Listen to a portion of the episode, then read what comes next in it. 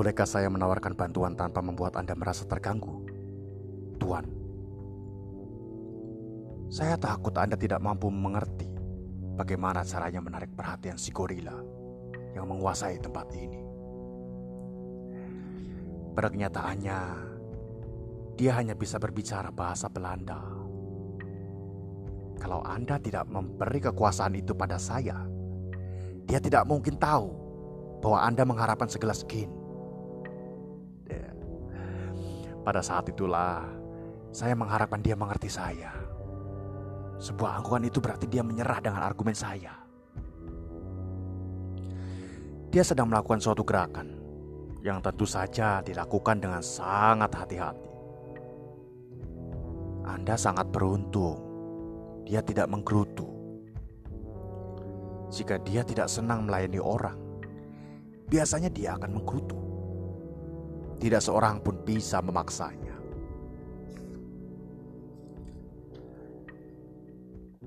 Tuan, bukankah kekuasaan sepenuhnya atas perasaan sendiri adalah hak istimewa dari para binatang mulia? Maaf, sudah waktunya saya pamit, Tuan. Senang bisa membantu Anda. Terima kasih. Saya akan kembali melayani Anda jika saya yakin itu tidak menjadi gangguan untuk Anda. Anda terlalu baik oleh karena itu biarkan saya bersulang dengan Anda.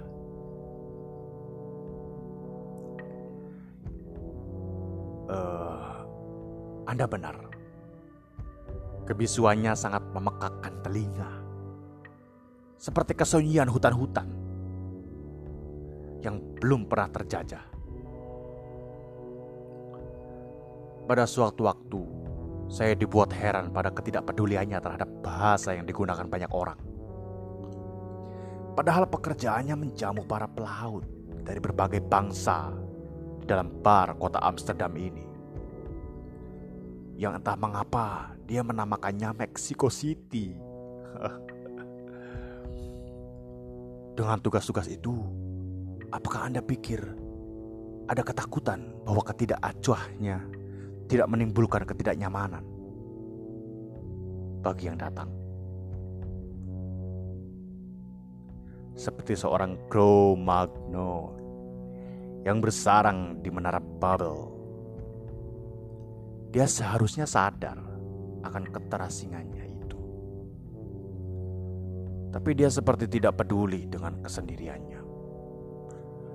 Dia melakukan segala sesuatunya sesuai dengan keinginannya. Tidak ada yang bisa menghentikan langkahnya.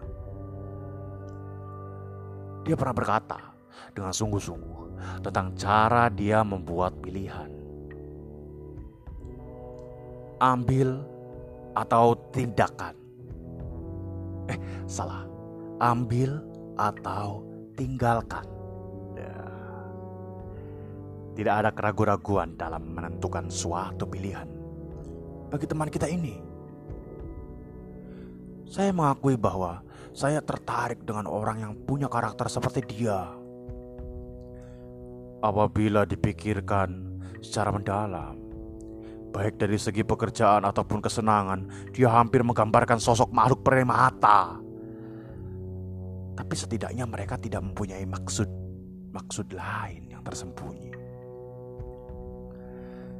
Jujur saja, tuan rumah kita punya beberapa maksud lain menurut saya.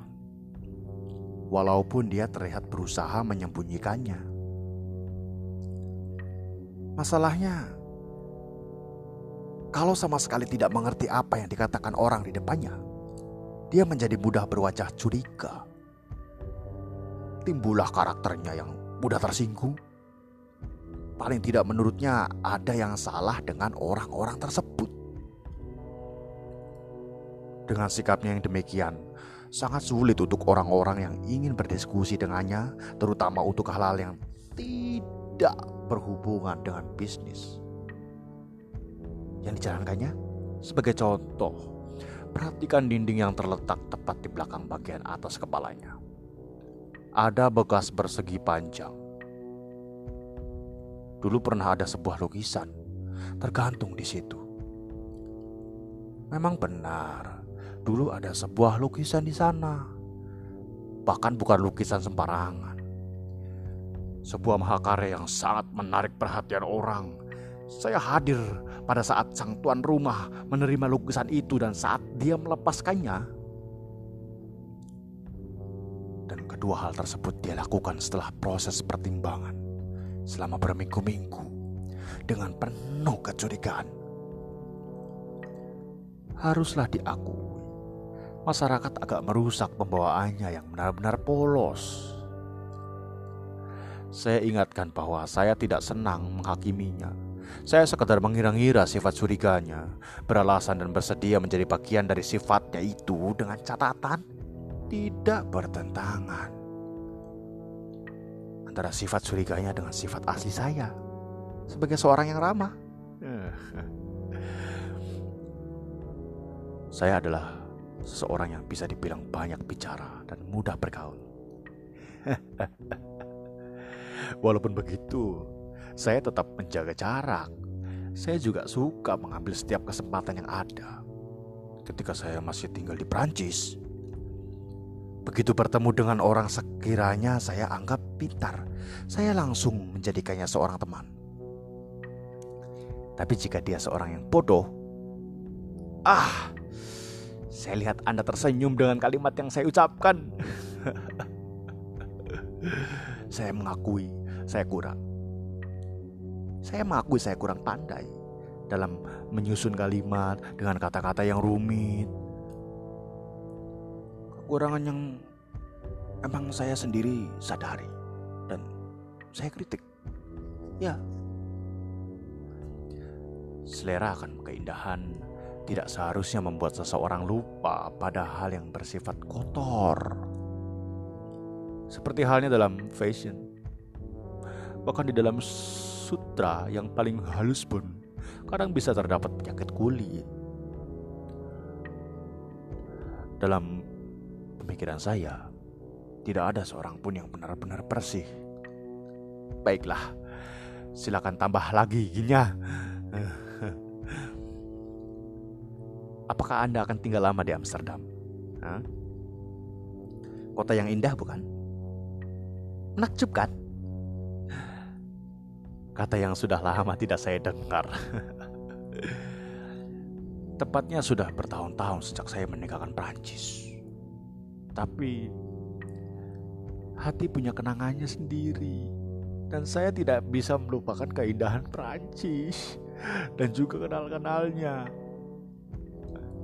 Paris benar-benar sebuah mahakarya yang keindahannya uh, uh, dihuni oleh 4 juta orang. Kadang saya menyebut mereka sebuah payang-payang atau mungkin lebih tepatnya 5 juta berdasarkan sensus terbaru. Sepertinya mereka terlalu cepat bertambah banyak dan itu tidak membuat saya terkejut. Jelaslah bagi saya uh, bahwa mereka punya dua kesenangan berpikir dan bereproduksi. Bahkan dilakukan tanpa perhitungan. Saya yang matang, tapi tidak usahalah kita memperdulikan dan menghujat sikap mereka. Mereka bukanlah satu-satunya, hampir seluruh orang Eropa melakukan hal yang sama. Kadang saya berpikir, apa pendapat para sejarawan dari masa depan tentang keadaan kita sekarang. Satu kalimat yang cocok dengan keadaan orang sekarang adalah berzina dan membaca koran. Ya, hanya dua kalimat yang bisa dibahas dari manusia zaman sekarang. Selain itu, mereka bukan apa-apa